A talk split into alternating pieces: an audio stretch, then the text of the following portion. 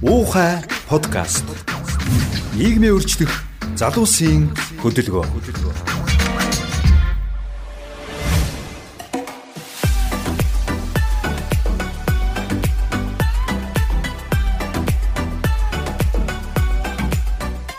За сайн байцгаана уу? Уухай подкастын шинэ дугаар эхлэх бэлэн боллоо. За энэ дугаараар бид э, ирж яваа цагийн эзэд буюу энэ Монгол улсынхаа одоо хувь тайлангийн эзэн болсон одоо шин цагийн залуучуудын тухай ярилцахаар хоёр зочин өрцөн байна. За эхний зочин маань бол уухай хөдөлгөөний гишүүн За шинэ Монгол сургуулийн захирлаасан Наранбаяр багш маань хүрэлцэн ирсэн байна. За сайн байна уу нараа? За сайн байна уу? За манай бас тусгай зочин байгаа. За бидний одоо олон жил олон 10 жил биднийг баясгаж яваа орчин цагийг тодорхойлж явж байгаа сайхан дүрсэлж бас ойлгодог биднийг ойлгуулдаг маш их ойлгомжтой аргаар илэрхийлдэг манай шог зураач цагт баяр ах маань хүрэлцэрсэн байна. За сайн байна цаг ахаа. Сайн байна уу? За сайхан бүхий цоос шиг хэлж шнэ. Олон нэг байсан. Чимэгтэй нөө. За нэг ирж яваа цагийн эзэд гэж одоо сэдвээр ярилцах болсон шалтгаан маань бас одоо за бид нар бол ингээд арчиж шилжээд 30 жил болж байна. Энэ хугацаанд бас бид нараас өөртөө олон талаараа бас муулж явлаа. Аа манайх монголчууд ийм штэ, тийм штэ гэж бидний өөртөө яг хүмүүлдэг одоо өөртөө маш хоошоо тавьдаг хүмүүс гэж нэрлж явдаг. А гэтэл бод байдал дээр бол энэ бол яг өөрчлөгдсөн байна гэдгийг одоо ойлгосон нэг жишээ гарсан. Саяхан бим одоо манай самбитоо уулыг шат шатж яхад сайн дураараа залуучууд очиж одоо ам биеэрээ одоо хотынхаа тий хотоо хамгаалсан гэж хэлж болох одоо залуучууд байсан. Та бүхний бүгд зургийг харсан баха.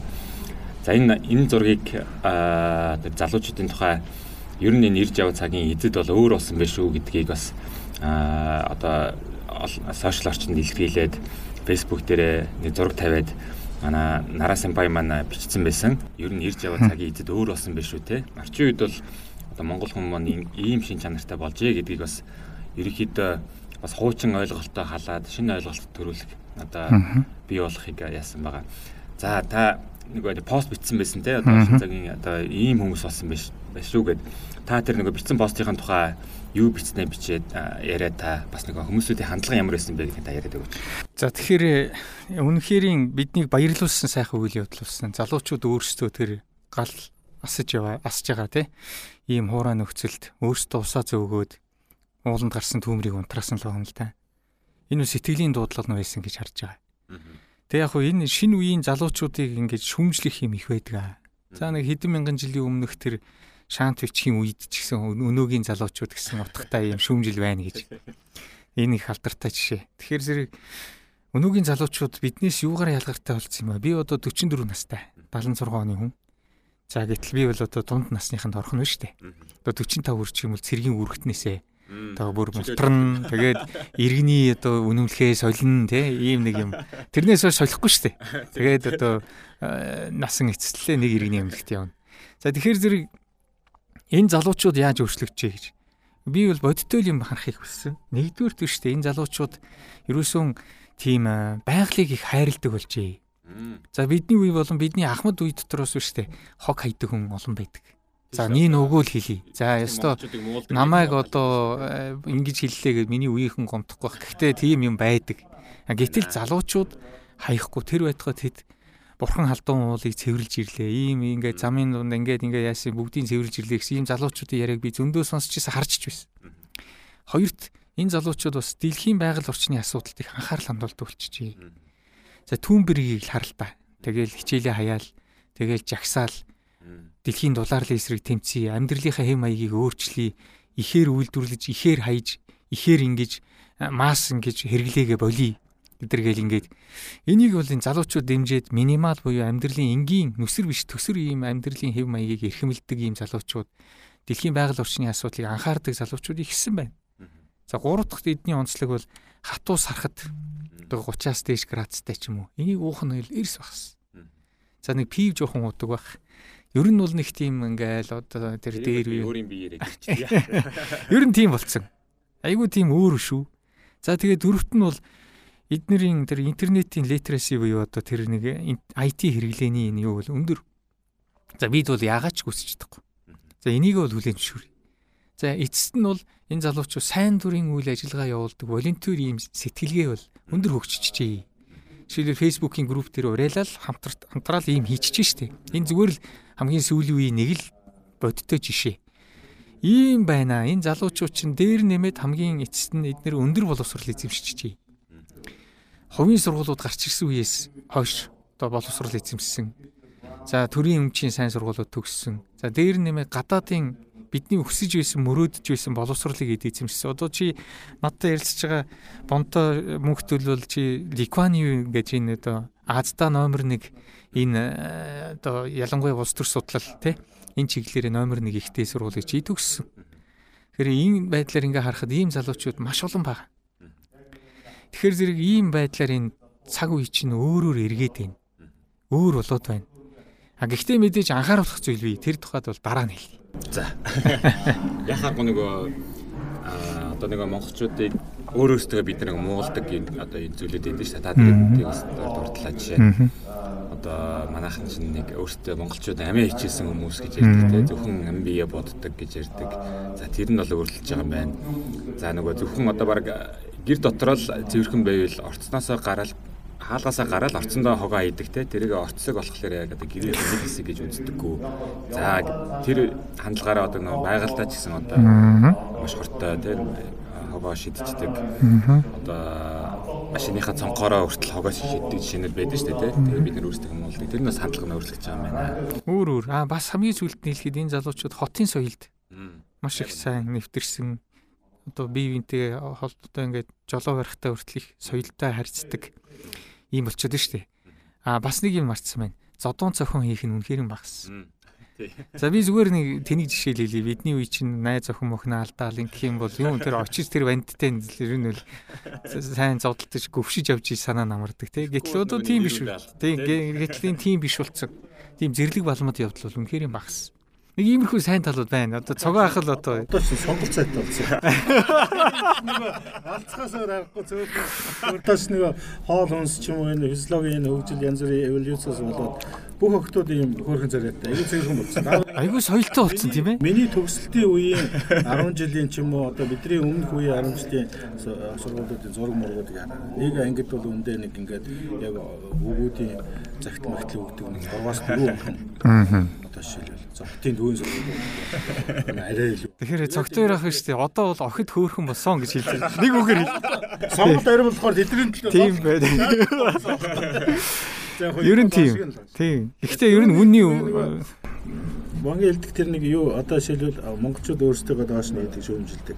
Тэр бол бид нар бусд үндснээс нь айхтар илүү биш дотор биш. Бүгд л одоо үндснийхээ сайн муу хэлж яадаг шүүмжилж яадаг тийм одоо шүүмжилдэг нь ихтэй байсан уу их биш. Харин ч бид нар ч нөгөө бэлэгдлийн сэтгэлгээтэй хүмүүс нөгөө амны бэлгээс бэлгээр гэж ярьдаг болохоор илүү нөгөө магтах тэрийг нэг дэврүүлэх тал нь надад илүү байдаг. Тэмдэглэг тэнгэрээс өгтөлтэй өг толбтой дэлхийд байхгүй Монгол байгаль дэлхийд байхгүй Монгол магтаал нь идэрч гээд байдаг одоо тэр баланс нь л хитэрнэ өгөхөөс тэрний чинь нөгөө талд бас энэ бомтогийн хэлээд байгаа бас үнэн бас нэг өөрийгөө хит их туйлшруулж муулах явдал бас байдаг байсан. А нөгөө талдаа хит их өргөмжлөх явдал байдаг байсан. Яг нэг голоор нь одоо тань шиг тий бид бусд үндэстэнтэй адилхан илүүж хараадах юмар дутууч юм гэдэг ийм байсангүй шүү дээ. Тий одоо жишээлбэл тэр одоо муухай хятадтун гэдэг анх тэр ном гараад тэрнээс хойш янз бүрийн үндэстнүүд нэлээд битсэн. Одоо муухай орсон, муухай японч, муухай америкч гэдэг юм тий. Я манай үндэстэн юу юугаараа муухай юм бэ тий. Юу юу муу юм бэ гэдэг тийм ном бүртэл Тэрийг одоо 90-ад оны үед манай залуучдын үнсэний эрхлэгч байсан аа одоо бидний хамтан сурталчилсан Батмөхгөө залуу. Одоо сэтгүүлчтэй муухай монгол хүн гэж бичсэн шүү дээ. Монгол хүн гэж нунгорсон байна. Тэгээ тэрийг сүүлд нь нэг залуу нэг жил 2 жилийн өмнө нөө ахаа шинжилээд гаргасан. Тэр нь бол нөгөө социализмын их үеийн муухай монгол хүний төвтөрөх байсан. А тэрнээс нөгөө зах зээлийн эдийн засгийн шилжиж орой жил болсон дараа шин муухай зам төрхүүд зөндөө гарсан хөрөнгө мөнгөтэй холбоотой, авилгатай холбоотой ч юм уу. Урд нь бол нөгөө булаацлах юм нөгөө хуримтгсан капитал байхгүйгээс болоод материалын тэр талын муухай зан характер тэр юм бага байсан. Одоо одоо толгоноор ч юм уу юу ч гэдэг юм уу тиймэрхүү зан төрхүүдийн бичижсэн бол одоо бол нөгөө шин зан төрхүүд нэмэгдсэн. Тэгэхээр би түрүүний яг хэлээ.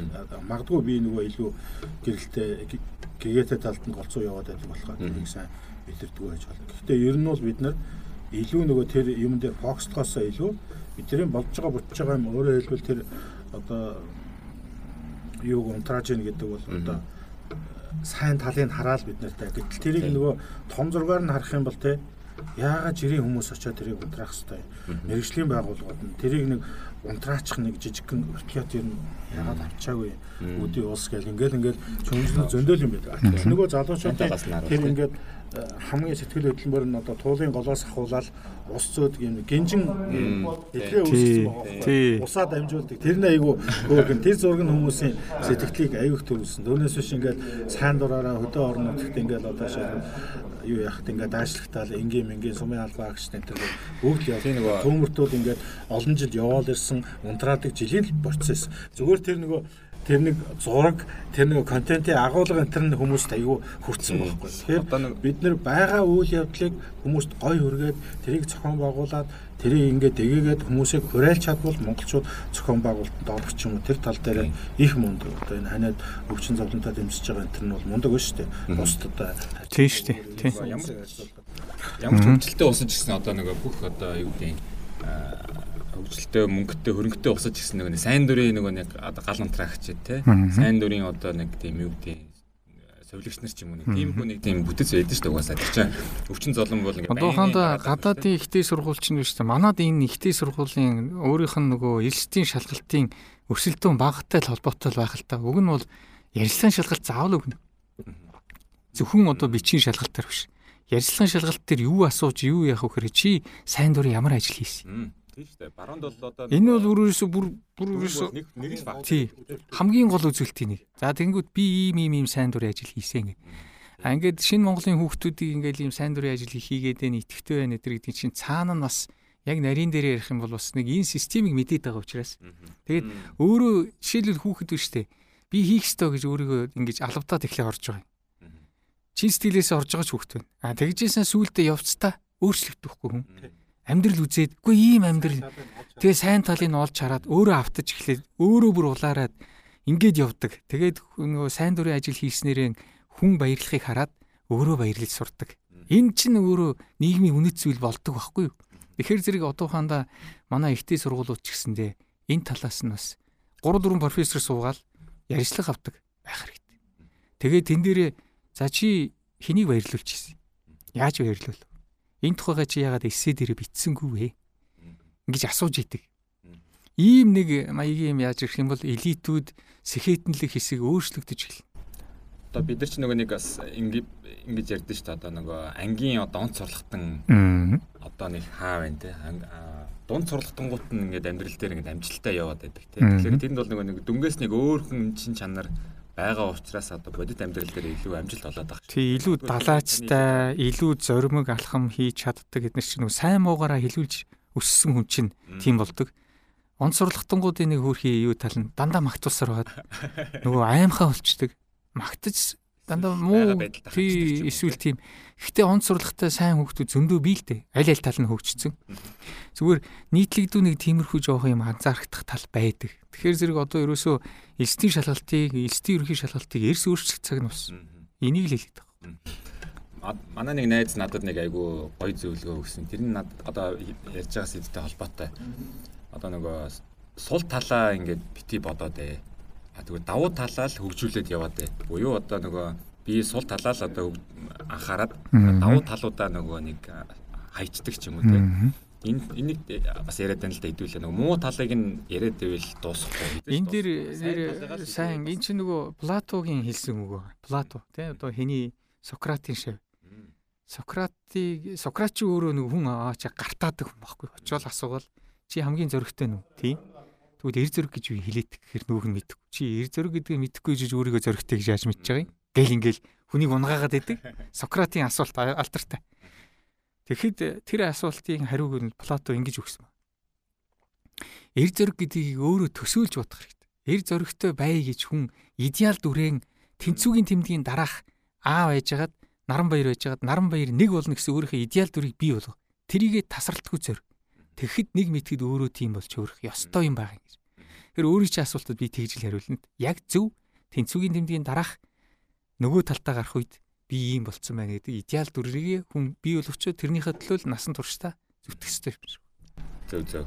Одоо одоо нөгөө өмнөх тэнцвэрлийнхаа нөгөө нэг коэффициентуудаа бод юу гэдэг үлээ нөгөө хүнүүдэд бодтол байлгүй тэнцвүүгийн дараагийн нөгөө нэг одоо нэг ийм хүмүүс байдаг шүү дээ. Одоо энэ хандлага байдаг одоо нөгөө яг нөгөө нэг мөрөөдөд байвал тэр нь биелдэг гэж нэг тийм хөө бас нэг тэрийг нэвтрүүлчихэд байдаг тал байдаг те нөгөө бараг л одоо нэг ном хүртэл гарсан байсан шүү дээ. Арай жоо хэтрүүлэг. Гэхдээ нөгөө ирээдүйн мөрөөдөх тусмаа тэрийг байнга боддог буюу хийж байгаа үйлдэлээ мөрөөдөлтөг холбож тийм ээ нэг ийм сони юм хэлсэн юм байдгийг. Инамори Казу гэдэг одоо энэ Mobicom-ыг анх худалдаж авсан хүн баггүй юу?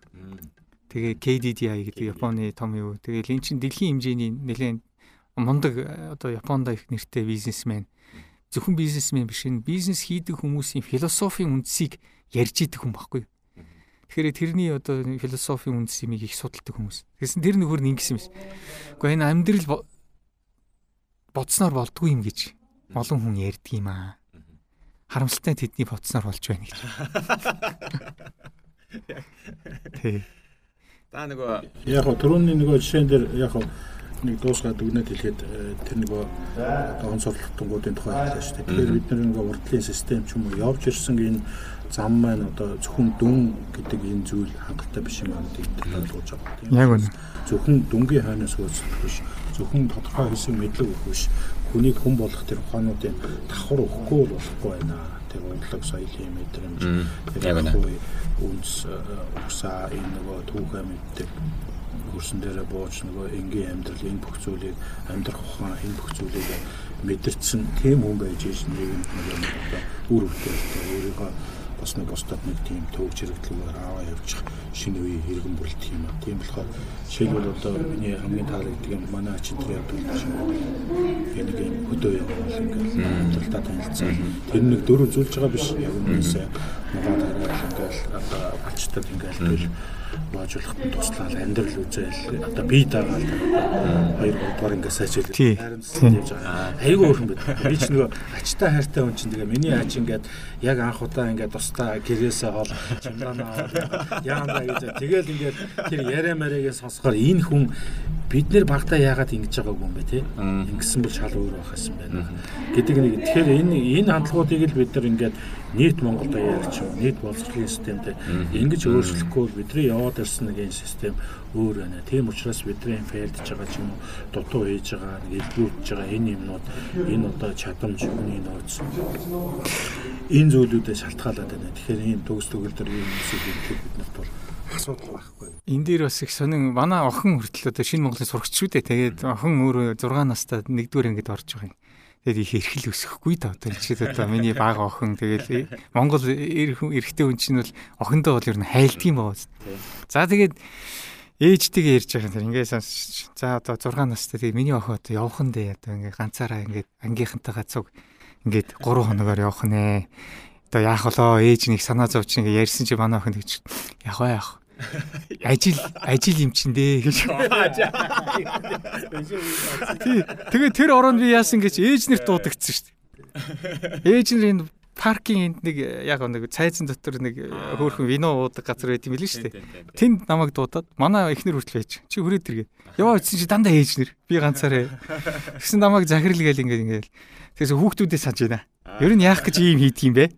Нөгөө чи жоохон тий жоохон бас вино мено ууцсан хүүхдүүдээс чөлөөлөгдсөн.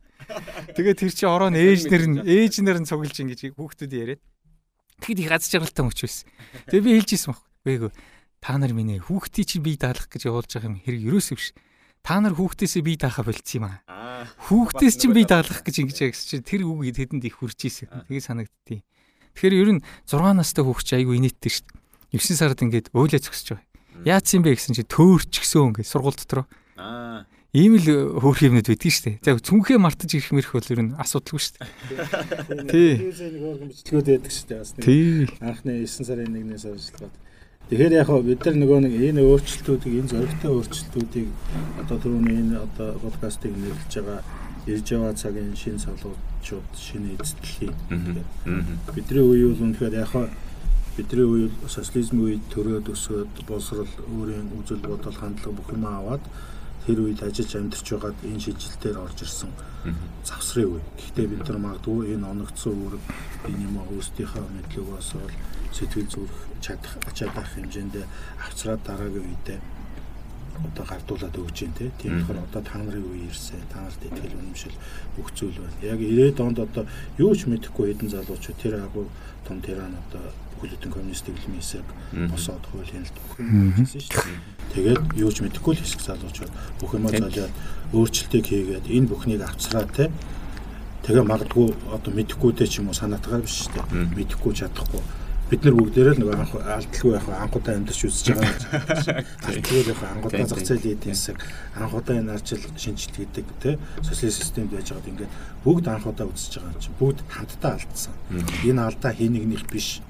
Бүгдийн алдаа. Энэ ололт бол хин нэгний ололт биш. Тэр үйлчлэн зарлж исэн зөвхөн цөөн хүмүүсийн биш. Арчил гэдэг нэр нь намынх нь нэрэнд орсон нэг намын өмч биш. Тэр талбай дээр зогсож ирсэн хэдэн мянган хүн магадгүй тэр одоо ямар ч цус урсахгүйгээр ингээд өөрсдийнхөө байр суудлыг тавьж өгсөн Монгол Ардын Явсгал намын Түварны улс төрийн товчоо. Одоо тэр бүх хүмүүс Монголын нийт ард түмний хамтаа олсон үнд өв байхгүй. Тэгэхээр энэ бол бидний сонгосон замын зөв буруудаа биш. Бид нар алдсан байна энэ алдаагаа засаад явах юм боломж болцоо энэ одоо потенциал энэ бүх зүйл шинэ ирж яваа залуу Тэгээ одоо би энэ шин цагийн эзэд гэдэг нэвтрүүлэг гэснээс одоо ингээд яхаар хизээ эзэн болох юм бэ гэж. Мэдрэмж хэрэгтэй үстэй. Тийм биз? Эрх мэдлийг атгаж үзэх хэрэгтэй. Залуучууд. Яаж атгах тийм бэ? Нууцыг хэлэх үү? За. Ерөөсө 120 м л алах. Тэгэл болоо. За. Юу гэсэн үг вэ гэхээр сонгуул болно шүү дээ. Сонгуул болоход танаа гэр дотор гэрээс ер нь 120 м-ийн зайд л байгаа дөө. Тийм шүү дээ сонгуулийн хэсэг тий санал өгөх хэсэг. Тэнд очиод чи өөрийнхөө улс төрийн сонголтоор хэн нэг нэг нь дугуул. Өөртөө таалагдсан улс төрийн хүчинтэй хүндээ. Ингээд нэг өгөх хүртлэх чи өгсний дараах чи хоёр бүр өдөр шаал ондоо бол. Юу гэхээр нэг юмны эзэн болцсон юм шиг. Шийтсэн юм шиг их сайхан мэдрэмж төрдөг байхгүй. Саналаа өгсөн залуу хүн ямар нэгэн сонголтыг ингэж байна. Зарим нэгэн залуучуудтай би ингээд яриа явж ээж аав шийдчих тийм үү? Ээж аавын үг гэсэн намд өгчтгийг. Яг яг тэгж бас болно. Яг эхний сонголт тийм тийм. Гэхдээ өөрийнхөө толгойгоор аль болохоор бодоод чиний сонголт бол чиний эрх чиний эрхэд дотор улс улс орны чинь хувь заяа байж гинэ л гэсэн үг байхгүй юу? 120 м газар л алхачих. Датакомын инх батгой нэг гоё үг хэлсэн байсан. Тэр их гоё үг ээ. Тэр манай сургууль дээр яриа хийж ихтэй тэр айгүй их гоё өглөө гүү гэж би хэлэхгүй битгийгүй. Гэхдээ чи зүгээр кетэ өмсөд биеийн тамирын хөмс өмдөө өмсөд зүгээр орцныхоо үүдэнд гараа зогсчих. Тэгээ эргэж ороод унтаж болно гэж. Гэтэл хүн яадаг вэ гэхээр яг тэр хөтлөө ачаар гүүчигээд гүүчтгэл гэж байгаа байхгүй. Тэгэхээр зэрэг заавал том юм битгий одоо зүгээр 120 м газар алхачих. Очлоо дугууллаа дусаа. Хамгийн гол нь чи яг тэр үед бол энэ төрийн жолоог атгалцж байна л гэсэн Эн чинь л их чухал мэдрэмж байхгүй. Тэгэхээр энэ бүхнийг чинь өмнөх үеийнхэн одоо энэ 30 жилийн өмнө энэ хувьсгал хийсэн энэ улсууд залуучууд л байсан шүү дээ. Тэд яг энэ боломжийг олгосон байхгүй. Тэр одоо социализмын үед жишээлбэл цогцоор ах ч одоо яг тэр үед бас сонгуулийн насанд хүрсэн байсан баг. Яа сонгуулаа гэдгээс яаж тэр 100% чинь гарч ирдэг вэ? Бас 100 жил 99.9 жилүүд. Тий, тий нөгөө сонголт гэж байхгүй шүү дээ. Нэг намын системтэй нэг нэг нэр дэвшигчтэй. Тэгээд тойрогтууд байгаа нэр дэвшигт. Нөгөө ийм сонголт байхгүй байхгүй. Сонголт байхгүй учраас тэр юмд өгөхгүй байж болохгүй. Тэгээ сонгуул чинь баярын өдөр баг баярын өдөр байсан баг те. Одоо медалаа нөгөө КТ өмсөн шиг нөгөө очиж байгаа юм чи аль нэг тэгээд Тэгэл одоо одоо медалаа зүгээл тэгэл баярын хурал шиг л очдөг байсан гэсэн тийм ээ. Ер нь бол яг ахмадууд ч одоо нэг юмд ач холбогдол гэдэг одоо нэг яг одоо одоо респект гэж байна. Тийм тийм. Одоо өөрөө одоо төрийнхөө сонгуульд орсон чинь төрөөд эдэлж. Энийг сэтгэл юм бол арилаагүй байгаад байгаа байхгүй. Одоо зүгээр яг ингээд энэ хит ингээд нэг юм одоо юу гэдгийг ачаал нэрийн дор хит анарх бас одоо учиргүй хүн хүснээр л одоо үзөөгөж гэдэг юм ингээд хин нэгэн хүний амжилт юм. Энэ бас нэг нөгөө талаас нэг зөв тогтлын үед нэг тийм Зөв, зөв. биш л дээ. Яг тодорхой хэсэг бүлэг нь байна үгээс нийт нийгмээрээ тийм болчихлоо юм чинь. Тийм болохоор тэр үед бол мэдээ сонголтгүй байсан. А тэр э, сонголтгүй нийгмийн сонголтыг хийжсэн байхгүй. Одоо бол төрөний хэлдгээр нарагийн хэлдгээр залуучууд таналт бол өөрсдөө сонголтынхаа эзэн, сонголтынхаа үр дүнгийн эзэн байх ийм боломж байгаа байхгүй. Үр дүнгийн эзэн байгаад тэр үр дүнд нөлөөлөх боломж нь өөрчн байна гэдгийг л бодож байгаа байхгүй. Яг гэвэл чи өөрөө өгөөгүй ч чи өөрөө эсвэлтхүүгээс чиний эсвэлтхүүгээс гарсан үр дүнгийн талаар чи 4 жил хичнээн майлаж яах тийм үстэй чи өөрөө л өөрчилж чадаагүй. Тэр 90 он тэр залуучууд өөрчилсөн байхгүй 20-д 18-д 17-д 21-д 22-д залуучууд өглөөд нь нийгмийг өөрчилж чадсан шүү дээ. Тэгээ одоо энэ залуучууд биднэрт ирэх өгөхгүй байна гэдэг байгаа байхгүй. Хин нэгэн тэр үед гэсэн өгийгээд өгчөөгөө байхгүй. Тэр чинь тэмцсэн өсөлтөн зарлсан жагссан үзэл суртал ухуулгууц нааж исэн ингээл тэр чинь ингээл бүх амьдралаараа хохирсон ажлаасаа халагдж исэн энэ сайн цагийг үзэлгүй одоо энэ арчлын төлөө зүтгэж байгаад одоо арх тарсанд ороод ч юм уу ингээд балраад өгцөн одоо миний найз нөхдөд зөндөл байна л да. Тэгэхээр эн чинь асар их том эрсдэл одоо тэр нэг ийм одоо золиосны үндсэн дээр бий болцсон нийгэм болохоос биш эн чинь өөрөө ингээд одоо та нар магадгүй 90-оноос хойш тарсан хүүхдүүд унжаад байхаар унаад ирээсэй гэж биш тийм ээ. Алган дээр ч байгаа юм хүн атах хэвээр өстэй. Атхаагүй байж ажил ингээл ингээд байдаг. Эсвэлтхүү тэгээ эсвэлтхүүгээс нь үүссэн энэ үр дүнгийн төлөө тэгээ 4 жил зүгээр л ингээл уцаа маажж ингэж идэг биш. Та кэтэ өмсөд босоод гараа тэнцээрээ очиод саналаа өгөө. Тэгээ магадгүй тэр санал өгсөн үр дүнгийн талаар чи өөрөө харин хэл хэрэгтэй байна. Одоо нэг залуучууд нэг ийм яриа одоо таас нэг төрөнд дурдлаа. Одоо ингээд ах эгчнэр одоо ингээд зайгаа тавьж өгөхгүй байна тий. Та нар зайгаа тавьж зайгийг тавиулах хэрэгтэй байхгүй. Яг үн одоо Тэгжиж нөгөө нэг би нэг сүүлүүд нэг хинч зайгаа тавьж өгөхгүй шүү дээ чи. Ер нь зүгээр залуучууд өөрсдөө давлгааж төрж гарах хэрэгтэй байхгүй юу тийм? Чи одоо адгуу сайдуулах хэрэгтэй байдаг үстэй. Адгуу сайдуулах дээр хүртэл нэг чадахгүй мөртлөөл нэг улам чадахгүй мөртлөөл нэг авсан хөргийг азраг тэр сүргийг хураах гал тэгээ залуу азар одоо юу гэдгийг аслан тэгэл тэр онгоц алдаа шээс алдаа тойрч гүйж байгаа л нэг алдсыг л алдсаас үргээ эзэн болдог шүү дээ. Байгаль хүртэл юм энэ угаасаа байгалийн аншаа учраас бити энэ хүмүүсийг зайгаа тавьж өгсөнгүү гэж гоншигно би одоо их мохоо гэрлээ. Энэ бол гоншигж байгаа байх. Тийм шүү дээ. Яг 90 оны залуучууд яг тэмцэж байсан. Гэтэ мэдээж тэр үед бол гоо шидэн байраагүй цус хасгаагүй тэмцсэн. 50 замаар. Золсон 50 замаар. Тех 50 замаар тэмцэх бүх боломж нь чи одоо ингээд өдөр болгон нэг лооцсон барайл тэмцэж чи энэ чиний тэмцэн шүү чиний улс төр байна. Яг л чи ус чиг утасны адлаас ингэ суугаагүй өдөр болгон ууггүй өдөр болгон өөр балкад хийгээд зогсож байгаа гэдэг чинь чи бусдаас ялгаатай байна. Тэгэхээр чам шиг 100 100 мянган мянган залуучууд хэдэн зуун мянган залуучууд гараад энэ өөрчлөгдөж байгаа дэлхийн бусад ишгүүчид энэ Монголыг өөрчлөх боломж байна шүү дээ. Францууд ч, Гонконгийн залуучууд ч юугаар өөр юм даа. Өмсөн хувцас, гарсан одоо барьсан ухаалаг утас хэрэгжилж байгаа технологи, сонсдог дуу хөгжим бүх юм нь адилхан шүү дээ. Хандлага нь өөр байхгүй. Тэр Хонконгийн залуучууд нэг л одоо магадгүй энэ Монгол залуучуудаас илүү материаллык боломжтой, илүү боловсралтай, илүү тайван амгалан одоо компанийн ажлыг хийгээд яваад байвал тэд нэр ирэх чөлөө тэр үн зүйлийнхаа төлөө тэмцэж байгаа байхгүй үг хэлж чадахгүй болох бид нар амьдрах боломжгүй болох нэ энэ бол миний өмсдөг овц иддэг будаанаас илүү хамгийн үнцэнтэй зүйл гэж тэмцэж байгаа байхгүй. Одоо нөгөө арчлалын тухаас нөгөө бас одоо сүүлийн нэг шүүмжил ярьдаг л нэг арчлалыг эхлүүлэхдээ бид зөвхөн эрхийн яриад байсан юм байна те одоо арт иргэд бол ингээ ийм эрхтэй тийм одоо эрхтэй зөвхөн эрхийн яриад байсан а үүргийн давхар ингээд бас ойлгуулаагүй байна гэдэг тийм сүмжил яваад байдаг тий. Би болохоор нөгөө сүүлийн үед ингэж айгүйх ойлгодог болсон арчлалыг бол хүн эрхээ өглөж биш тэмцэж авдаг нийгэм бол арчил юм аа. Гэхдээ тэмцэх боломжийг олгодог нь бас арчлал. Тий яг үнэ. Тэмцсэнийхэн төлөө те тэр хүнийг шийтгдэг биш. Яг үнэ. Тэр хүний дуу хоолой хаа нэгэн газарт хурж идэг нь арчлал өөр байхгүй. Нэг газар ялагчаад нөгөө төвшөндөө ялах боломжийг олгодог нь бас арчлал. Ялангуяа шүүхийн арчлал.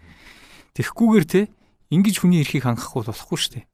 Одоо магадгүй та нар анзаарч байвал тэр 90 оноор олсон тэр ачаал ялангуяа уран тэжмийн хувьд бол хамгийн үнцэнтэй зүйл үг хэлэх эрх чөлөө. Үзэл бодлоо чөлөөтэй илэрхийлэх энэ эрх чөлөө бүх зүйл одоо айжмаар бид нар магадгүй нөгөө халуун усанд хэвдэж байгаа нөгөө дэлхийний үлгэрээр үлээсэл ингэсээр хагаад магадгүй дотор нь шалзарч өгөхээр баг багаар хэвлэл мэдээлэл үг хэлдэг хүмүүс энд ээлтэй бус нийгэм энэ элементүүд эхэлж байна шүү.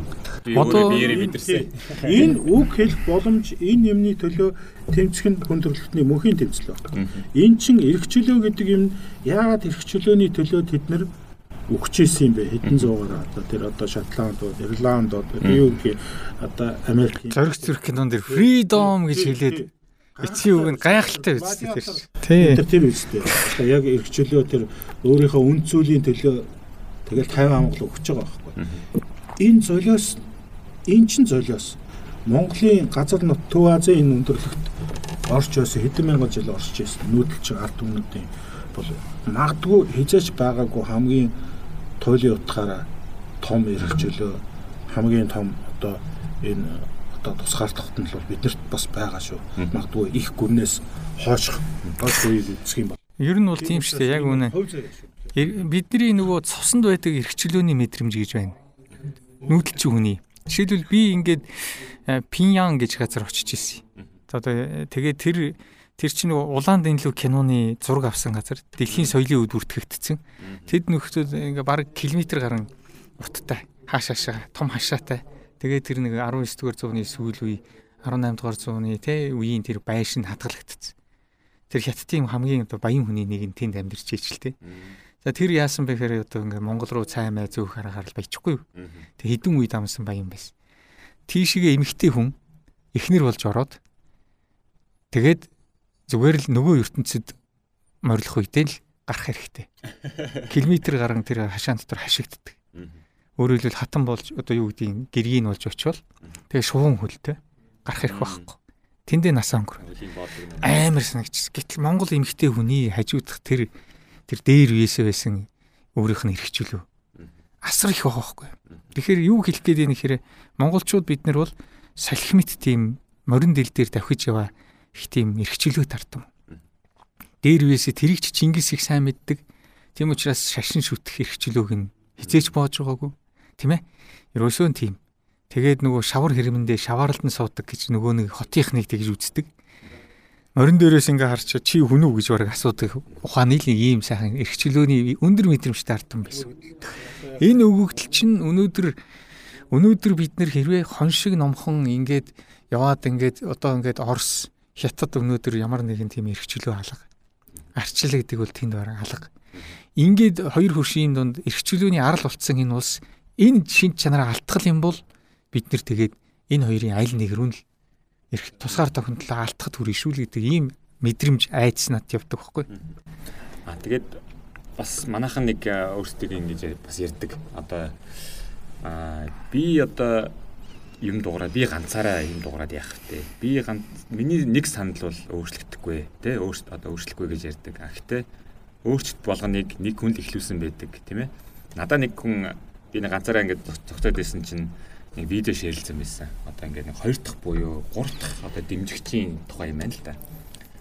Одоо нэг далайн ирэг дээр ингээд сайхан нарлал бэжсэн чинь тэний хөгжим явжсэн чинь нэг хүн гээл тэгэл ганцаараа дальжганаал бүжиглээд байсан юм л да одоо нэг тийм сонин хөдөлгөөнд бүр шаваалмаар тэр бүр нэг 10 минут ганцаар бүжиглсэн юм шиг байна. Тэнгүүд нь хоёр дахь хүн нийлэнгүүт нь арай нэг өөр болж эхэлж байна.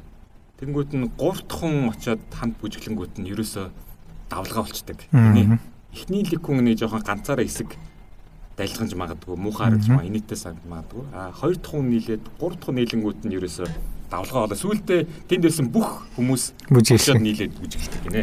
Тэгээ нөгөө өөрчлөлт бол ерөөсөө миний санал юм уу нэг ганц хүн би ганцаардаад байна гэдэг юм болохгүй юм байлээ.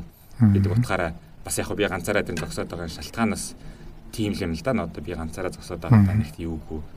Одоо намайг хинч дэмжихгүй гэхээсээ илүү одоо дэмжихгүйсэн ч хамаагүй яг өөрийнхөө итгэл өмчлөлөөр л яаж байгаа учраас би нэг яриагаа өөрчлөх юм та хоёроос нэг нэг даалгавар өгөх гээд байгаа. Манай Уха подкастын нэг уламжлал өгдөг.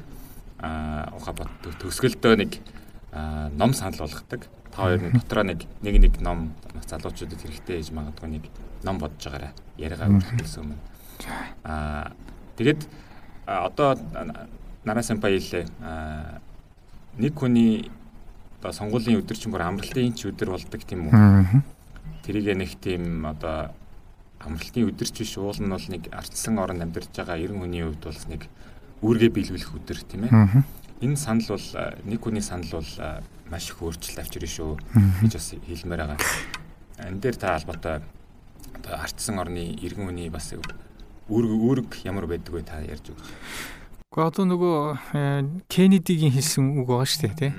Кеннеди чинь ерөнхийлөгч болчиход үгүй засгийн газар төр чин чиний төлөө юу хийж өгөх вэ гэдгийг битгий асуу.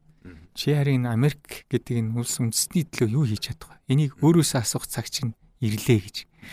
Тэгэхээр энэ ийм хандлага бол үнэхээр нарчил өндөр хөгжсөн орнуудад байдаг. Обама хүртэл гарч ирэл хэлж байгаа шүү дээ. New patriotism буюу шин эх оронч үзэл гэдэг энэ юугаа тунхаглахтаа хариуцлага энийг шаардсан баг шүү. Тийм ээ? А би ялгаатай үзэл бодлыг чинь илүү сонсно гэж хэлсэн байгаа шүү дээ. Энэ бол одоо яг ялт байгаас ерөнхийлөгч үг байхгүй. Тэгэхээр удирдахч хүн бол шинэ үнэт зүйлийг нийгэмд бий болгож идэв юм байна. Тэгээ тэр нь өөрөө ирээдүг бүтээж идэв юм байна шаарч байгаа. Тэгэхээр шинэ үнэт зүйлийг бий болгох улс төрийн хүчин ийм хүнийг дэмжих цаг нь гарч болж байна. Аливаа зүйл тэнгэрийн цагтай байдаг.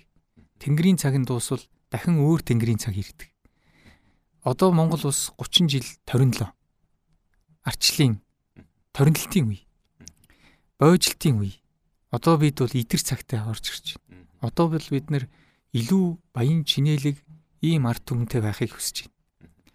Ерөөсөн энэ санал худалдан авалт явагдаад байна. Инээ тэрэг л яа те. Энд чи ерөөсөл эдийн засгийнх нь өөрийнх нь амжиргаа доогуур үед бол энэ хэцүү л асуудал. Күнс хэлсэн байгаа шүү. Ерөөсөө хувцас, хоол, орон байртай болж иж дараа нь соёл яриа гэж. Ийм юм ярьсан байна. Тэгэхээр зэрэг бид бол одоо энэ нэг нэг хүн оногдох дотоодын нийтдийг нэгдийг нэмэх инээ тэрийг энэ зайлшгүй одоо тийм акцууд хэрэгтэй л байна л да. Боломжийг алдаад байна баймааргүй шүү дээ тийм ээ. Тэгэхээр одоо шин өөр чадварлаг ийм төрийн эзэд гарч ирж энэ хүмүүс нь арт түмтэйгээ тэднийхээ дуу хоолой болж явдаг энэ боломжийг л олох хэрэгтэй. Тэгэхээр хөгжингөө орнууд бол иргэдээсээ тийм юм шаардаж байна шүү дээ. Сайн боловсралтай байхыг шаардаж байна. Харанхуй бүдүүлэх биш.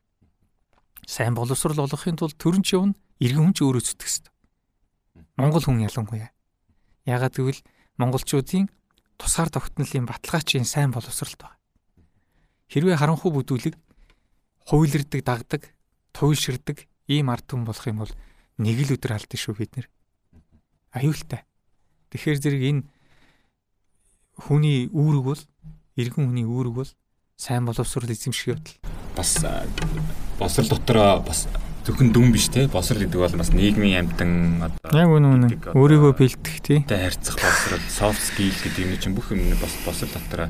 Тий шүү дээ одоо 21-р зууны энэ чадвар гэдэг энэ гол юм юм дотор чинь энэ яваад байгаа шүү дээ. Бие даан шийдвэр гаргах тунгаан бодох чин бол томьёол нь бол тогтоолын өвдөх шүмжил тийм томьёол гэдэг ус Тэр адилхан л одоо бол гадаадны томьёол болсон. Адилхан адилхан тий хуучин бол одоо социалист үед бол яг хуу зорилго нь буруу байсан. А тэрнээс биш арга нь бол тийм бас одоо хүртэл ч гэсэн бас хэрэгтэй зүйлүүд байсан тийм ээ. Хуучин байсан тэр бүх зүйлийг одоо хуучин өнгөрсөн болгосон гэж одоо мохоо төсөлж бүгдийг хайж болохгүй. Тэр дундаас авах юм бол тийм зөндөө өмнөд байдаг. Ингээл Орос улсны боловсрол энэ бол юу биш дэлхийн соёл иргэншлийн бас нэг одоо том өвөг хийж байна. Энийг бол Монгол одоо 70 80 жил маш системтэйгээр одоо ингээд боловсруулад энэ нөгөө их тийм одоо капитал бүрдүүлсэн байсан байхгүй. Тийм. А 90-ад оноос хойш бол энийг зүгээр шууд л хайцсан. Ямар ч бодлого бодлогогүйгээ байсан. Тэрний одоо хөргөчний нэг нь бол бий байна. Орос хэлний боловсрол байхгүй. Ялангуяа залуучуудын донд. Гэтэл нөгөө Орос хэл дээр байгаа шинжлэх ухаан, цэргийн одоо технологи юм уу одоо утга зохиол энэ үн зүйл тэр чигээр хамт алгуулж байгаа. Ямар мундаг болсон хүчин байлаа. Ямар мундаг багш нарын энийг чи урт хугацаанд өрдүүлдэг ийм үн цөл байхгүй. Тэр үн цөлийг одоо ахиж бий болгохын тулд бас дахиад нэг 10 дахиад нэг 10 дахиад доор ээж 12 нар. Яг нөгөө урд нь байсан юм а зүгээр л хайцсан баг. Оронд нь зүгээр өөр хэлүүдийг л тавьсан. Одоо энэ өөр хэлүүд нь бас л мундаг сүрхий болж байна л да. Англи хэл нь бол ингээл захын хүмүүс англи хэл дээр дуу хөгжим зохиогоод өөрсдөө дуулаад дэлхийн зах зээл дээр гарч байгаа хүүхдүүд хүртэл гарч ирж байна. Гэтэл энтэйгээд энэ зөв сонголтгүй байсан гэдэг утгаар нь тэрийг хаях биш энтэйгээ хамт аваад явах байсан бодлого л алдагдсан. Манайхан чинь нөгөө хоёр талаасаа нэг талаас нөгөө тал руу туйлшрахтай их сайн арт түмэн л дээ. Савлж сайн чаддаг. Тэгээд яг уу Орос хэл гэдэг бол үнэхээр дэлхийн одоо бас нэг том мэдлэгийн уурхай хэл л дээ. Тэгээд 70 хэдэн жилийн дотор монголчууд Орос хэлээр дамжиж маш их оюуны сан хөмөргийг бий болгоцсон байхгүй. Тэгээ нэр томьёо одоо энэ төрийн албан бичгийн энэ модон хэл чинь бас ер нь орос хэлний л хуулбар тууж байгаа шүү. Орос хэлээр ямар сайхан буудаг гэж бодно гэдэг шиг. Ингэтэл нөлөөсөн байгаа байхгүй монгол хэлэнд. Одоо бид нэр англи хэлний нөлөөнд ороод байгаа шүү гэнэ. Ялангуяа бизнес за ялангуяа тэр интернетийн хэллүүд тийм ээ ингээд за тэгээд энэ ч одоо бас аргач юм да дэлхийд даяараа нэг тиймэрхүү байна. А гэхдээ одоо энэ англи хэлний өв баялгийг айгүй хурдан бий болох хэрэгтэй. Тэгээд маш мундаг англи хэлнээс монгол хэлний оюуны сан хөмөргийг бий болгох хүч орчуулагч нарыг хурдан гаргамаар байна. Одоо дуун хөрвүүлэгч буюу гүүш гэдэг яригддаг тийм мундаг хүмүүсийг орос хэлнээс орчуулсан орчуулгыг би ингээл харах тусам багтаж гайхдаг байхгүй. Үгүй ямар гоё орчуулсан. Тэр яг мишгийн цэдэн дөржийн орчуулга. Тэр миний Дагестаны орчуулга бол миний мэдхийн орчуулгын оргил гэж би хардаг байхгүй юу. Тэгэл мэрэгэн гэж мундаг хүн байла тийм ээ. Аким гоо эдэргээл тэр орос хэлнээс гэтэл одоо ингээл одоо миний мэдх япон хэлнээс орчуулсан орчуулгууд бол хажууд нь бас л жуул шүү дээ. Жуул миний орчуулгыг гэсэн оруулаад шүү. Ер нь бол иш бид нар энэ хүмүүсийн энэ хүрээнд яг тэгвэл нэг орос хэлний ч уламжлал гэж байдаг юм байна л да. Тэгэл нөгөө эртний үед нь Орос хэлнээс орчуулсан цэндийн дамдын сүрэн Бямбын ринчингийн бий болгосон өвдөр нөгөө залуу үеийн орчуулагч нар чинь гарч ирээд бүр ийм сайхан чамбарс юм болгоцсон. Одоо нэг Япон хэлнийх нь бол нэг ингээд бас энийг бодлоготой бэлдэхгүй байна. Тийм учраас ерөөсөө армаг тармаг оочин цоочин дээр нэмээд алтаа матаг ихтэй модон хэлтэй Япон юм орчуулад Япон юм уншаад байна уу Монгол юм уншаад байна уу гэхээр энэ бол түгээмэл байж байгаа. Бүр ерөөс түгээмэл. А хятад хэлнээс орчуулсан маш том орчуулгын өв байдгийг. За энэ бол модон биш шүү. Энэ нөгөө юун дээр цаг төрийн үмэн дээр гардаг нөгөө нөгөө гүнчин хэм блэ? Балтан цэрэн. Гэх мэт ич түүхэн байхгүй. Энэ хүний орчуулсан орчуулга тэгэл инженеаш гүлерансын хийсэн орчуулгууд гэдэг ингээд үнэхээр тийм нэг монгол хэлний найруулгын чадал заасан ийм орчуулгууд байдаг. Тэгэхээр чи одоо Болдбаатар эдэр гэдэг шиг юм мондог орчуулагч нар тэр өв дээр чи ингэж өндийч гарч ирээд байгаа байхгүй юу? Ганбаатар, Болтбаатар ч гэдэг юм юм. Тэр чинь өвдөө байсан шинж. Тэгэхээр зэрэг одоо бид нэр энэ орс хэлний энэ тэр өвөөс бол ерөөс салж болохгүй. Яг үнэ. Би надаа одоо зөвхөн хэлний талаар ярихад Монгол одоо ирээдүйн одоо шин цагийн эзэд бол орчилсан нэг гурван хэлтэй байх хэрэгтэй гэж би бодоод байгаа. Мэдээж бол монгол хэл. За хоёрт нь бол англи бол байх нь бол аргагүй. А гурав дахь хэл нь бол хоёр хөршийнхэн аль нэг хэлийг заавалчгүй мэддэг байх хэрэгтэй гэж бодоод байгаа. Магадгүй сонголттой тий. Одоо тэр нь альтернатив байвал. Тийм гурав дахь хэл нь бол альтернатив байгаа. Тий. Тэр нь сонголттой. Яг дөрөв дахь хэл нь бол би яг нөгөө гурав дахь хөршийн хэлүүд байвал зүгээр хаа. Би нөгөө яг хоёр мөнхийн хөрш гэж. Нэг зовлонтой юм мөхтөл эн чинь чиний хэлсэн бүх хэлүүд чинь хоорондоо баг холбоогүй хэлүүд байхгүй. Жишээлбэл дээ. Англи хэл үзчихээр хятад хэл үзнэ гэвэл өстой махаа цулгаана. Тэгсэн дөрвөл англи хэлээрээ бүх мэдээлэл авч ирсэн айгүй дээр. Яг л англи хэл чинь өнөөдрийн дэлхийн нөгөө мэдлийн бараг 70 80% баргийн хэлээр. Дараа нь дараа нь герман хэлээр. Гурав дахь нь уучлаар япон шүү. Аа за. Шинжлэх ухаан тал дээр бол. За. Яг энэ англи, герман, Япон тий энэ тал дээр дэлхийн мэдлийг үтээж байгаа хэл. Тэгээд ингээд хятад эднэр ч арай жоохон цаашаа болчихно. Гэхдээ юм биш тий. А юуны хувьд бол энэ дээр юу гэж хэлэх вэ гэхээр энэ гурав хэл чи хоорондоо бараг холбоогүй. Айгүй хэцүү. Хэлний өөр өөр бүлэгт хамаарна. Тийм ээ. Бас тийм. Тэгээд нөгөө бүтцэн өөр. Эхний онцгой авьяастай хүн биш болж байгаа. Тий. А юу бол жишээлбэл Европт очиход 4 5 хэлээр ярьдаг хүн байдаг. Захаасаа зөндөө. Гэтэл эн чинь баг бараг л нөгөө нутгийн аялагч шиг хоорондоо ингээ айгүй эвцтэй ихчдүү шилүүд. Яа нөгөө 16 наст капитан дээр гардаг үстэй. Жил тийм. Бараг нөгөө Баруун Европын хэлнүүд чинь хоёрхан л нэг герман хэлний бүлэг, слав хэлний бүлэг, тийм. Англо-саксоны бүлэг, гурван гурван үндсэн бүлэг л байгаа. Гэхдээ ихэнх нь латинасаа яатай. Угтаа жишээлбэл ингэж яаж шүү дээ. Одоо ингээд нөгөө 16 нас капитан гэдэг нэг хиний зохиол өгдөг Жюл Верни. Тэрэн дээр нэг бодлоо эрдэмтэн гардаг шүү дээ. Тэгсэн тэр нөхөр Испани хэл үзнэ ингээл нөгөө нэг аялж явах замдаа л нэг сурагчиг авцыг үзэл яваад байдаг байхгүй.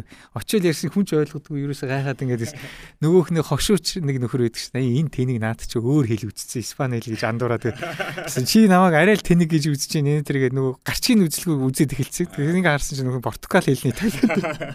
Тийм ялгагддаг байхгүй юу. Тэгэхээр зэрэг юу вэ гэхээр зэрэг ер нь монгол хүн бол би яг тэрийг хүлээн Нэгдүгürt англи хэлтэй байх хэрэгтэй. Ядахтаа англиар уншиж мэдээлэл авдаг. Энд чинь дэлхийн мэдлэгийн хэл. А хоёр дахь нь бол сонголт. Орос, Хятад, Япон, Герман гэсэн энэ хэлүүдээс эсвэл Солонгос гэдэг хэлүүдээс сонгож үзэх хэрэгтэй. Өнөөдөр яг хөтэ дунд сургуульд бол албан журмаар орос хэл үзэж штеп. Бүх одоо сургуулиуд. Гэтэл багшийн одоо хомсдолд орцсон. Орос хэлний багшийг аягүй их бэлддэг байжгаад сүүлийн жилүүдэд нөгөө бэлтгэхээ хөлөөд нэг сүүлийн юм гисэн шүү дээ. Орос хэлний багш хүчээр бүгдийг хэдхэн сарын англи хэлний курс суулгаад англи хэлний багш болгож хөргсөн. Үзэж байгаа. Заавал үзнэ. Орос хэлийг заавал үзнэ. Тийм үү? Дунд сургуультай үзнэ. Гэхдээ тэгэл ихэнх нь торгуулал өнгөрдөг. Нөгөө жишээлбэл шинэ Монгол сургууль дээр бол өнөөдөр англи хэл үзээд дараа нь Япон хэлийг үзнэ. Тий. Заавал энэ хоёр хэлийг үзнэ. Орос хэлийг бол заадаггүй. А шинэ Монгол харамаа хүжийн сургууль дээр орос хэл юм уу япон хэлний аль нэгийг сонгож үзнэ гэсэн ийм сонголт. Альтернатив дээр сонголттой байна. Аа ер нь орос хэл бол ер нь дунд сургуульд бол зааж байгаа. Хэл ус ч юм уу энэ бүх зүйлүүдээ харахаар нөгөө нэг одоо нэг юм бодлого гэж бодлого гэж юу юм бэ гэхээр энэ чинь ухаан л байхгүй. Одоо хуучин социализмын үед одоо би амьдарч байсан, ажиллаж байсан, сурч байсан гэж бодоход тэр үед бол одоо боловсон орчин, мэрэгжил мэдлэг энэ бүх зүйлүүдийг тодорхой бодлогоор бэлтжижсэн байхгүй. Бус ордоо яаж вэ те? Яг инженер хэд байна. Одоо одоо телевизийн энэ одоо цамхаг баригдаад телевиз ашиглалтанд ороход энд бол мэрэгчтэй бол ус хүчин яг төгсөөд ирж байгаа ч юм тийм. Одоо бол нөгөө энэ системүүд чинь бүгд хувийн хөвшил болоод улс энэ нөгөө төлөвөө болсон учраас нөгөө мэрэгжил э, эрэлт энэ юмнаас үүдэлтэй илүүдл хуульч сэтгүүлж гэдэг юм уу те. А тэр үед чинь бол хаана юу хэрэгтэй байна? Эн чинь бодлого байгаа байхгүй. Тийм учраас энэ зүйлүүд алдагдсанаас болоод одоо юу гэдэг зарим мэрэгчлүүд нь хэд тутах ч юм уу зарим нь илүүдэх ч юм уу нэг юм гажуудлын янз бүр юм байна. Тэгэхээр энэ бодлого боловсруулж байгаа энэ боловсруулын яам боловсрол соёл шинжилх ухаан одоо их том том салбаруудыг бүгдийн нэг нэг давгцсан энэ ачаалан ч юм уу энэ зүйлүүд нь үнэхээр юу байх шиг байна. Миний бодлоор аялалж болж л тий. Хамгийн тустай байх хэвээр гол энэ зүйлүүдийн одоо магадгүй соёл урлаг бол магадгүй хин ч хүмүүний хүн байх тухайд чи айгүй том ухаан айгүй том хандлага шүү дээ. Ер нь бол ингээл харж байхад ерөнхий боловсрол дотор хөгжмийн хичээл их чухал байдаг. Энэ чинь нөгөө мэдрэмж байдаг байхгүй. Тэгээ солгоо гэж яриад байдаг шүү дээ. Солгоог засчуултыг мэдхүү. Солгоо халаагүй. Тийм болдог. Тэгээд юуны хувьд бол боловсролоор авч болдог чадвар байхгүй. Тийм болдог чадвар.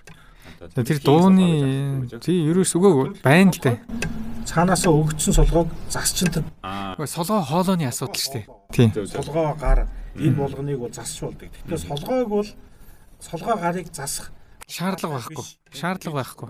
Бид нөгөө тийм тархины хуучин бол ингээд хүчээс угаасаа цаанаа өгсөн байж хат. Жишээлбэл одоо солгоо гартнууд донд зургийн хөвстэй хүмүүс их байдаг би одоо ямар азаа ямар аав ээж яаж нөгөө загнаагүй. Та солгоо хүмүүс таарсан би солгоо авахгүй солгоо хөгтүүдийн чинь хүчээр шүү дээ. Тийм шүү дээ. Тэр чинь сайн биш тий сайн биш нөгөө одоо баруун тархин ч юм уу хөгжил нь хөгжтэй байж хат нөгөө талд нь авчаад нөгөө хүчээр суулгах чинь энэ одоо гажиг үсгэж За хэдүүлээ нөгөө сүүлчийн даалгавраа та хоёроос асуунаа нөгөө подкастын маань дуусах цаг болж байна. Та хоёр маань нөгөө санал болгосон номоо бодсон байгаа хаа гэж бодож чинь тэгээд номооны санал болгоод тэгээд бас залуучуудаа сонсогчтой зориулаад нэг бас нэг сүүлийн товчхон үг хэлэх юм байна. За за яг хөө тэгээд нөгөө өөрөө нөгөө ном ном гаргадаг учраас гэдэг чинь өөрийнхөө номнуудаас амжилтад хүрэх гал ирмэлцэлгээд Emos клубтийн би анд найз нартайгаа нийлээд 10 жилийн өмнө гаргасан ном байдгийг. 14 5 жилийн За энийг уншаад үзээрэй гэж би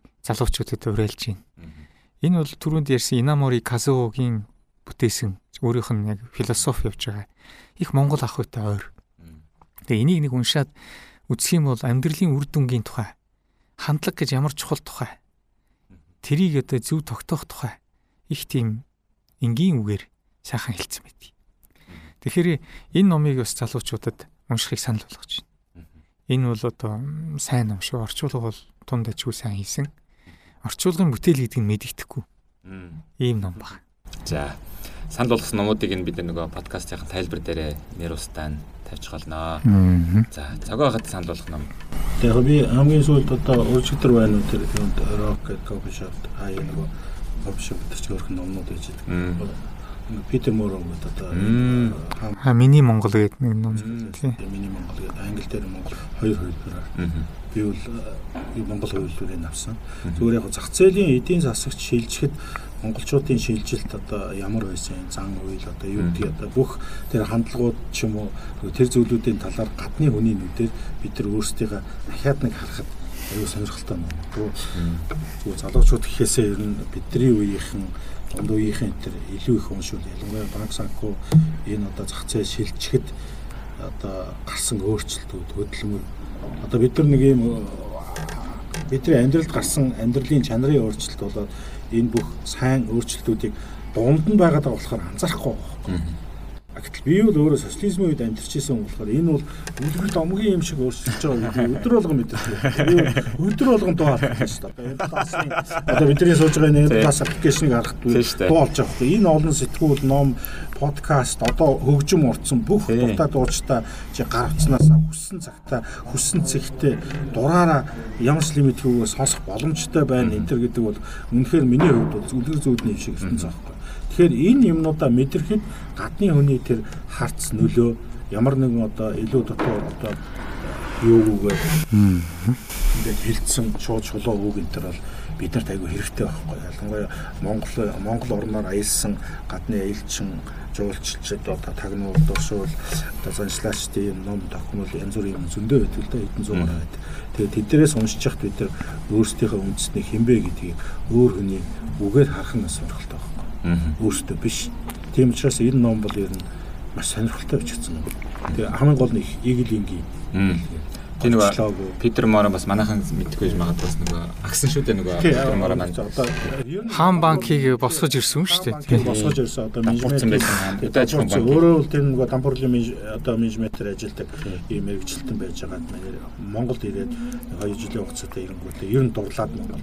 Тэгээ бүр энд амьдраад ихнэртэй болоод тэгээд өөрийн шинэ амьдралаа эхлээд Монголд хайртай болоод тэгээд өөрөө Монголд их нөлөө үзсэн. Ялангуяа урлагийн зах зээлийн шинжилтийн тэр хүнд хэцүү цаг цаг үед бол зураач урлаач ийм урлагийн зөвлөлийг бас дэмжлэг үзүүлсэн. Урлагийн зөвлөлийг бас нэг цагт толгойж хэмжижсэн. Бас нэг ийм нөмрөл нөлөө болсон л дээ. Тийм болохоор энэ үний давсамж гэдэг бол бас үнцэнтэй давсамж. Тийм болохоор тэрийг бас уншиж үзээрэй. За мэдээж бүх баг залуучууд бол айхтар бас тоохгүй тийм сонирхолтой санагдахгүй байна. Гэхдээ бас болж өгөл уншаад үзвэл энэ бүх шинжилт өөрчлөлт ямар замаар явж ирсэн бэ гэдгийг л хүний чинь нөгөө төгсөн 2000-ад оны ихэнх үеийн л үйл явдал шүү дээ тий. Танхимэл баг үйл явдал. Ер нь юу шүү дээ. Хаа хаа банк гэдэг нэртэй байсан баггүй юу? Хөдөө аж ахуйн гэдэг. Хаа хаа гэж одоо close одоо хаа хаа. Тэрийг хаан болгож хөөргсөн бас их ухаан байгаа байхгүй юу? Тэгэл нэрнээс авах. Тий. Тэгээд тэр өөрөө системийнхаа хувьд нөгөө хайж болохгүй байсан нь болохоор хамгийн том сүлжээтэй бүх сумын ингэ. Яг нэрээ. Манай зүгээр нэг өгүүлгээс хараад жишээлх юм бол шүү дээ. Карлос Гон тийм ээ. Одоо баримтчлагтаа тэгээд Японоос яг нөгөө юу аргаар Тэг яг кино шиг те. Нөгөө нэгэн дотор гараад Nissan гэдэг тэр компанийг босгож ирсэн хараг. Питер Моро хоёр бүр тэнгэр газар шиг хаад. Карлос Гон бол өөрийнхөө цалинг нэмэл.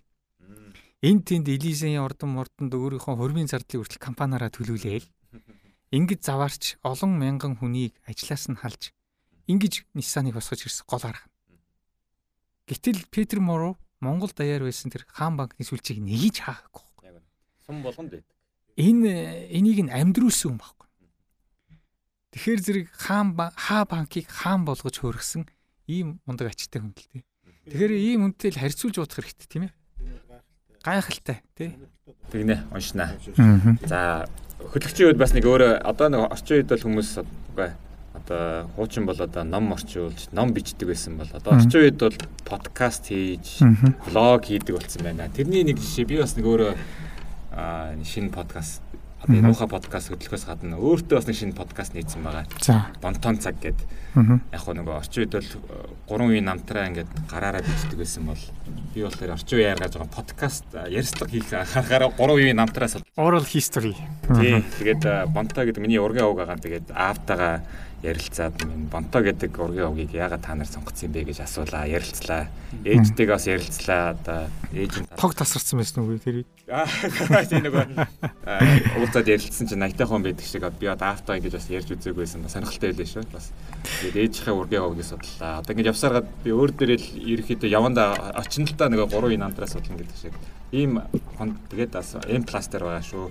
Бонтон цаг гэдэг подкастаа санал болгоё. За ингээд аа уха подкастын шинэ дугаарын ирж яваа цагийн эзэн нэртэй подкастын ингээд дуусгаад дуусгая гэж бодож байна. Тэгээд хоёр зочиндоо Нарбай Сэмпайта цагтойр ахта маш их баярлаа гэж хэлж байна. За та хоёртаа маш их баярлаа. За баярлаа. Амжилт хүсье. Амжилт хүсье. За дараагийн дугаараа уулз төрлөө. Тэр баяртай.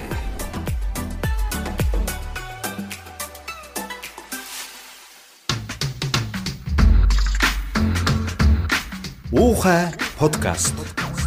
Нийгмийн өөрчлөх залуусын хөдөлгөөн.